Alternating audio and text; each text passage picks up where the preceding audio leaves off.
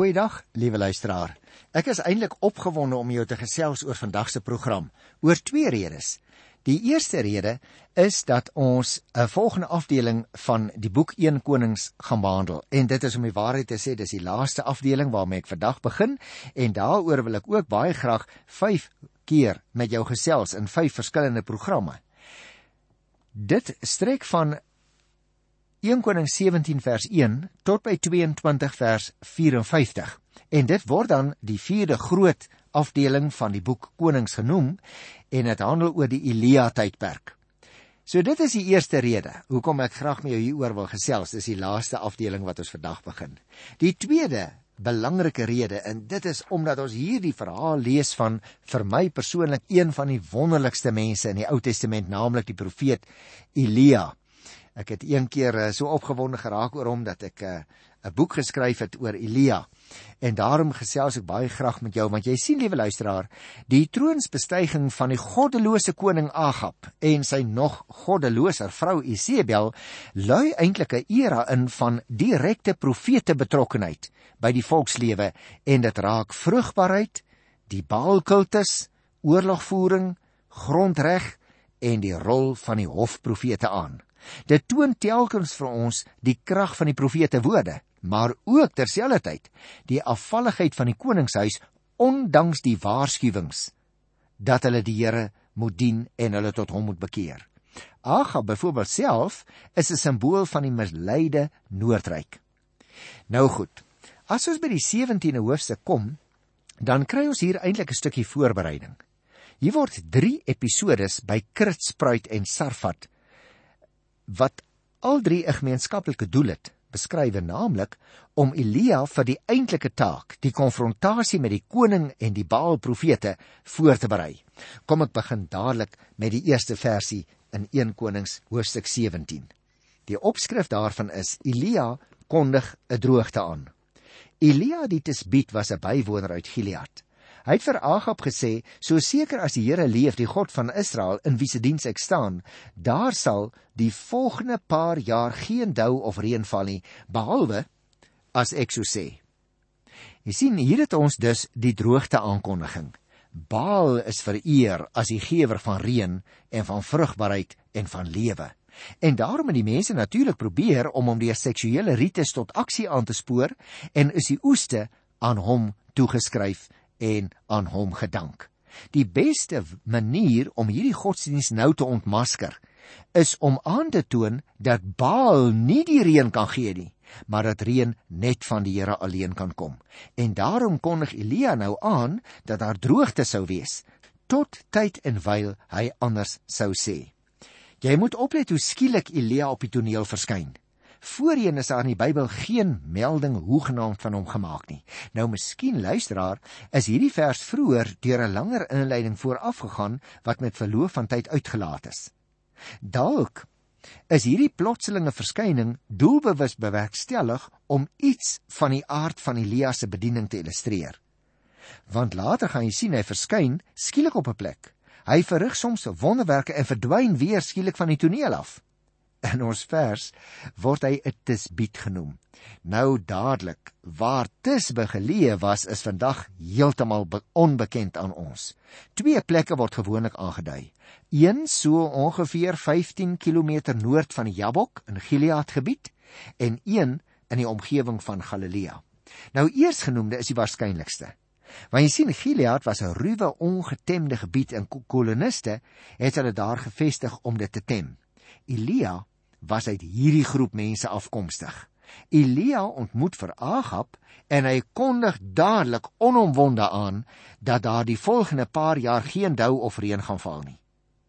Nou natuurlik kan ek my voorstel, die landbouers was besonder afhanklik van die reën en die dou. En daarsonder het 'n gewisse tragedie hulle in die gesig gestaar. Gewoonlik moet ons onthou luisteraar, het die reën in die wintertyd daar in Israel, moet ons nou onthou, dit is van so Oktober, November se kant af tot by Maart geval. Nou gedurende die somer was die mense destyds ook maar weer van die dou afhanklik. Langdurige droogtes wat met hongersnood gepaard gegaan het, was natuurlik nie 'n ongewone verskynsel in Palestina nie hoor. Belangrik is dat Elia te kenne gee, let nou op, dat die reën en die droogte onder die heerskappy van die Here val. Agab en die volk het vanweë die Baal aanbidding begin glo dat nie God nie, maar Baal oor hierdie sake beskik. En daarom is die doel van die droogte dus onder meer om opnuut te illustreer wie die ware God is. Kom ons lees nou so van vers 5 tot by vers 7. Die woord van die Here tot Elia gekom en gesê: "Gaan hiervandaan af ooswaarts en gaan versteek jou in die krit spruit ander kant die Jordaan. Jy kan water uit die spruit drink en ek sal kraaie beveel om daar vir jou te sorg." Hy het dit gedoen soos die Here aan hom opgedra het. Hy het daar in krit spruit gaan bly ander kant die Jordaan. Die kraaie het vir hom soggens brood en vleis gebring en hy het water uit die spruit gedrink. Uiteindelik het die spruit opgedroog omdat die land nie reën gekry het nie. Nou luisteraars, ek kan uit die aard van die saak nie die hele uh, gedeelte met julle behandel nie, maar ek wil hier 'n paar opmerkingies maak. Want jy sien intussen sorg die Here op 'n baie eienaardige manier vir sy profeet. Die kraaie bring vir hom kos. En dan ook daar in 'n afgesonderde spruitjie krit kry hy ook nog 'n bietjie water. Nou, die vraag is natuurlik soos waar het die kraaie kos gekry? Of waarom so onrein dier wat vir hom kos bring? Nou luisteraars, dit is vrae wat eintlik na my beskeie mening regtig nie van belang is nie. Wat wel belangrik is, is dat Elia dit as 'n bonatuurlike gebeurtenis moes beleef en so die hand van God daarin moes erken. Hieruit moes hy aan sy eie lyf leer dat die Here inderdaad die Here van die natuur is en kraaie teen hulle natuur in dinge kan laat doen. Elia kan maar op die Here vertrou. Omdat hy die natuur beheer, kan hy ook die vuur gee. En dit is die eerste les op pad aan die konfrontasie op Karmelberg uiteindelik. En daarom, liewe luisteraars, wil ek hê dat julle self dit so bietjie gaan lees van die 8ste vers af, want daar lees ons hoe dit uiteindelik in Sarfat aankom. Jy weet, Ons moet nie vergeet nie, die Here beheer eintlik deur sy gees sy kinders se denke. Sarfat was geleë in die hartland van Baal. En hier tussen die klomp Baal aanbidders moes arme Elia vir lewensmiddels op die Here vertrou. Die feit dat die weduwee tog vir hom 'n roosterkoek van haar laaste meel gaan voorberei, het Elia oortuig dat die Here nie net die natuur beheer nie, maar ook die menslike denke op Karmelberg sal hy nie net die Baal godsdiens moet gaan ontmasker nie, maar ook die volke se denke sal moet verander. Hierdie ervaring luisteraars het hom verseker dat God mag het om vir hom te sorg. Luister net so 'n bietjie na vers 8 en 9. Toe die woord van die Here weer tot hom gekom en gesê: "Gaan na Sarfa toe by Sidon, gaan bly daar. Ek het 'n weduwee daar opdrag gegee om vir jou te sorg. En dan lê hy die hele en pad af. Kom hy uiteindelik daar in Sarfat, sien hy die weduwee, hou haar 'n rukkie dop en uiteindelik maak sy vir hom kos. Van die 17de vers af kry ons nou so een van daardie tafereele wat hulle afspeel daar in Sarfat, naamlik die Here beheer die lewe en die Here beantwoord gebede. Kom ek lees so 'n klein stukkie. In die tyd het die vrou, die eienares van die huis, se seentjie siek geword. Hy het al hoe sieker geword totdat hy die laaste asem uitgeblaas het. Toe sê sy vir Elia: "Kyk wat het u aan my aangedoen man van God. Hier het u na my toe gekom om my sonde aan die lig te bring en my seentjie daarom te laat doodgaan." Nou ons weet nie na watter sonde sy verwys nie, maar is baie duidelik sy is ja, sy's uh, skaam en bang oor haar verlede. Maar vers 19 sê Elia vir haar: "Gee jou kind hier." En hy tel hom van haar skoot af op. Toe draai hom na die bokamer toe waar hy tuis gegaan het en lê hom op die bed neer. Bid tot die Here, Here my God, wil U nou oor hierdie weduwee by wie ek bly 'n ramp bring deur haar kind te laat sterf? Toe gaan hy 3 maal bo die kind en smeek die Here, Here, laat tog die lewe terugkom in die kind. Die Here het Elia se gebed verhoor. Die kind se lewe het teruggekom. Die kind het gelewe. Toe bring Elia die kind van die bokkamer af onder toe, gee hom vir sy ma en sê: "Kyk, jou seentjie lewe." Die vrou sê toe vir Elia: "Nou weet ek dat u 'n man van God is en dat wat die Here deur u sê, die waarheid is." Nou dis baie interessant hierdie verse wat ons hier lees Want het jy opgemerk, liewe luisteraar, Elia redeneer nie met die vrou nie, maar hy dra dadelik die kind na die bokamer toe. Hy is so verleë en in sy gebed verneem ons iets van 'n verwyte, as dit ware 'n verwyte teenoor die Here. En nou gaan lê hy 3 maal bo oor die kind sodat van sy liggaamswarmte aan die oorledene oorgedra kan word. Nou is dit natuurlik luisteraars nie 'n magiese handeling nie. Elia bid ook terwyl hy dit doen. En dan vertel vers 22 tot 24 hoe dat die kind aan die vrou teruggegee word. Waarlik 'n wonderwerk. Nou wat is die bedoeling daarvan? Sodat sy tot die insig kan kom die woorde van hierdie man kom van die lewende God. En dit bring ons by die 18de hoofstuk waar ons die opskrif het Elia en die profete van Baal. Nou ek kan ongelukkig dit ook nie in detail behandel nie, maar ek wil net graag 'n oorsigtelike opmerking of twee maak. Jy sien, op die oog af lyk dit asof die stryd 'n konfrontasie is tussen Elia en die Baal profete. Maar in werklikheid, liewe luisteraar, was dit veel meer as dit. Dit was 'n konfrontasie tussen die Here en Baal. Anders gestel, dit was 'n stryd om die hart en die toewyding van die volk. Luister na vers 1. Na 'n lang tyd, dit was omtrent 3 jaar, het die woord van die Here tot Elia gekom en gesê: "Gaan na Agab toe. Moenie langer vir hom wegkruip nie. Ek wil dit weer in die land laat reën." Elia het toe na Agab toe gegaan, sê die tweede vers. Die swaar hongersnood het nog voortgeduur in Samaria. Ons kry dus hier die reën aankondiging. Eers was dit die aankondiging van die droogte. Die droogte het nou 'n geruime tyd geduur, meer as 2 jaar. Die 3 jaar wat hier genoem word, beteken nie noodwendig 3 volle jare nie, maar 'n baie goeie gedeelte van 3 jaar kan ook hiermee bedoel word. En daarmee het die Here nou getoon dat hy die reën kan weerhou. Want onthou, dit was die eerste aankondiging, dit gaan nie reën nie. En nou het die tyd aangebreek om te toon dat hy die reën kan gee nou eers omtrent na 3 jaar. Kom ons kyk nou na vers 3 tot by vers 6.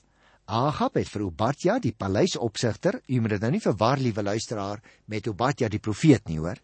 Hier staan duidelik Agab het toe vir Obadja die paleisopsigter na hom toe laat kom.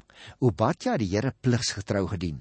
Toe Isebel die profete van die Here doodgemaak het, het Obadja 100 geneem en hulle 50-50 in grotte weggesteek en hulle van kos en water voorsien.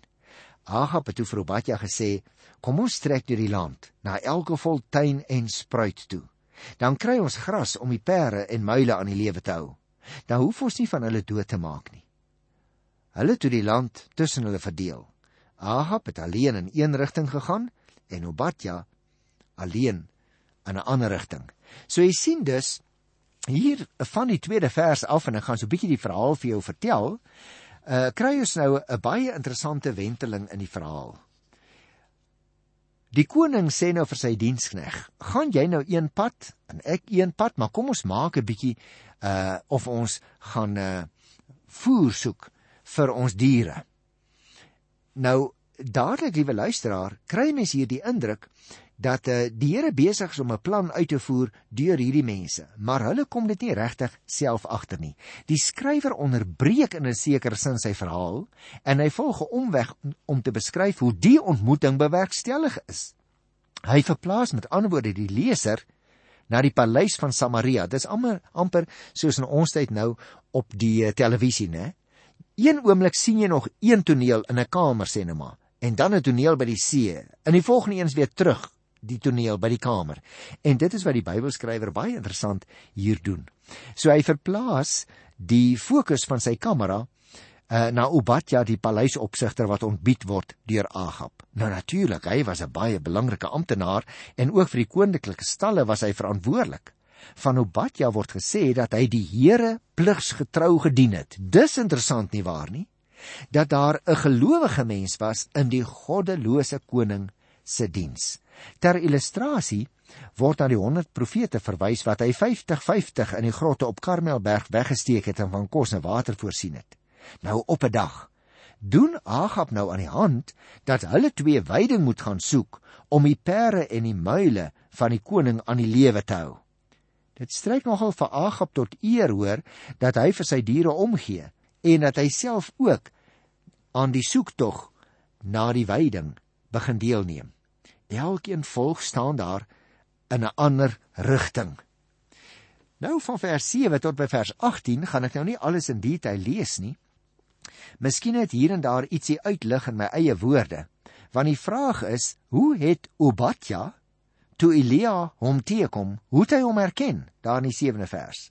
Nou kan dit natuurlik wees dat Elia 'n belangrike man was, dat almal hom geken het. Dit kan ook wees dat Elia die een of ander merkteken gehad het of dat sy klere sy eie identiteit verraai het want onthou profete in daardie tyd het gewoonlik 'n leergordel gedra en hulle was geklee in 'n harige mantel. Obadja is ongemaklik. Hy weet nie hoe om die situasie te hanteer nie. Ons moet Obadja net dit gou afmaak as ongehoorsaam of ongenee om die profete woord uit te voer as Elia nou vir hom sê jy moet vir die koning gaan sê jy het my gesien nie, né? En dit gaan nou weer begin reën nie. Obadja en Elia verteenwoordig twee maniere waarop die Here gedien kan word. Elia is die uitsonderingsfiguur. Hy leef in totale afsondering. Hy besit geen afhanklikes wat in ag geneem hoef te word nie. Elke eeu ken natuurlik sulke figure. Dit is in ons tyd ook so, maar hulle is die uitsondering en hulle mag nooit tot die algemene norm verhef word nie. Maar ek wil graag vers 19 lees, want luister hier staan: Roep vir my die hele Israel bymekaar op Karmelberg. Die 450 profete van Baal en die 400 van Ashera wat van Isebel se tafel eet, moet ook daar wees. Dis 'n baie interessante ding wat hier gebeur, né, want hier versoek Elia nou die koning om 'n groot saamtrek op Karmelberg te reël. Tussen hakies luisteraars, Karmelberg lê heeltemal wes van Samaria berg waar die hoofstad is af. Dit lê om die waarheid te sê op die kus by die Middellandse See. En let op in vers 19. Die hele Israel moet toeskouers wees terwyl hy en die 450 profete van Baal en die 400 van Ashera kan jou voorstel die hoofrolle vertolk. Hierdie profete tussen hakies was Fenisiërs. Elia erken die bestaan van Baal, maar in Israel het hy wat Elia is geen plek nie.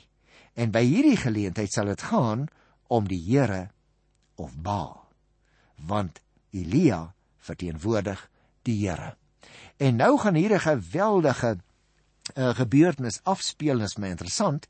Elia kies juis Karmelberg as die plek waar die groot drama hom sou afspeel. Hier is die Here vroeër nie geskiedenis al aanbid. Maar nou is hy deur die Baal profete verdring. Hy wat die Here is, wil enerzijds verlore gebied herwin en anderzijds die Baal aanbidders op hulle eie terrein aanpak. En nou kry ons die pragtige verhaal van vers 20 af tot by vers 40 van die twee altare wat gebou moet word. Daar op die Karmelberg was daar twee altare, een vir die Here en een vir Baal. En dit word nou juis die simbool van die keuse wat die volk moet maak. Kom ek lees so 'n klein stukkie daarvan ook. Vers 20: Toe stuur Agab die boodskap aan al die Israeliete. Hy het ook die profete op Karmelberg laat bymekaar kom. Elia het voor die volk gaan sit en gesê: "Hoe lank hou julle aan hink op twee gedagtes? As die Here God is, volg hom. Maar as dit Baal is, volg hom." Die volk het hom nie 'n antwoord gegee nie. So jy sien, liewe luisteraar, Elia stel sy saak aan die volk baie helder. Deur te weier om te kies, het hulle in wese alreeds vir Baal gekies. Die keuse vir die Here vra om 'n baie pertinente besluit in hulle lewens. Halfhartigheid dui eintlik op die verwerping van die Here. Elia knoop dus nou die stryd op die tweede vlak aan, naamlik tussen die profeet van die Here en die profete van Baal. Een profeetjie van die Here teen 450 heidense profete. Liewe luisteraar, ek wil net op hierdie punt ook dat die Bybel se eis wat hier gestel word uitgelig word ook vir jou en vir my. Dat ons sal weet ons moet kies. Ons moet 'n baie pertinente keuse maak aan wie se kant ons eintlik staan. En daarom wil ek hier van vers 30 af sommer so in my eie woorde vir jou 'n oorsig gee van die verhaal. Wanneer die aand nou begin naderkom en die tyd vir die aandoffer haas aanbreek, begin Elia met sy voorbereidings. Die altaar van die Here word as 'n simboliese teken herstel, die ou altaar wat daar verwaarloos gelê het en 12 klippe wat die simbool is van die 12 stamme word gebruik. Die gebeurtenis moet baie oortuigend wees, dis die bedoeling. Daarom word die offer nat gegooi. Intussen bou die spanning op. Dan volg daar 'n baie eenvoudige, maar 'n baie kragtige gebed deur die profeet, want die wonder lê nie in die profeet nie, maar het sy oorsprong in God. Die antwoord kom dan in die vorm van vuur uit die hemel en wat alles verteer, selfs die water in die altaar wat Elia daar in groot emmers uitgekeer het op die hele offerplek. Die bewys is gelewer wat gelyk het na 'n stryd tussen die Here en Baal, blyk nou op die ou einde 'n stryd te wees tussen die Here en 'n holle misleiding, 'n nie God te wees en die Here die enigste enigste God. En daarom, liewe luisteraars, wil ek hier van die 39ste vers af net 'n baie kort aspek vir julle uitlig. Luister. Toe sê Elia vir die volk: "Kom staan hier by my," en hulle het almal by hom gaan staan. Toe het hy die stukkende altaar van die Here weer reggemaak, en dan word vertel hoe dat hy die altaar gebou het. En dan vers 38: Toe kom daar vuur van die Here af en dit verbrand die offer, die hout, die klippe en die grond. Dit het selfs die water in die sloot opgelek. Kan jy dink wat 'n geweldige oorwinning dit moes wees? Maar nou, nou kom Elia aan die woord. Hy sê vir Agap in vers 41: "Gaan eet eers. Ek hoor die gedruis van die reën." Agap toe gaan eet, maar Elia het na die top van die Karmelberg toe opgeklim. Terwyl hy daar na die aarde toe buig met sy kop tussen sy knieë, sê vir sy slaaf: "Gaan kyk in die rigting van die see." Hy gaan kyk toe kom sê: "Daar's niks." Elia het hom weer gesê: "Gaan kyk weer." Dit het 7 maal so gebeur en na die 7de keer het hy gesê 'n wolkie so groot soos 'n man se hand kom uit die see op. Elia sê toe: "Gaan sê gou vir Agab, span in. Gaan vir die berg af, anders sal die reën jou vaskeer." Terwyl hulle nog praat, het die lug donker geword in die onweerswolke. Die wind het opgekom en groot reën het uitgesak. Agab het op sy wa geklim en na Jesreel toe gery. Die mag van die Here het vir Elia in besit geneem en hy het sy mantel opgebind en voor Agab se wa uitgehardloop tot waar die pad uitdraai na Jesreel toe. Nou luisteraars, is dit nie 'n ongelooflike wonderlike verhaal nie?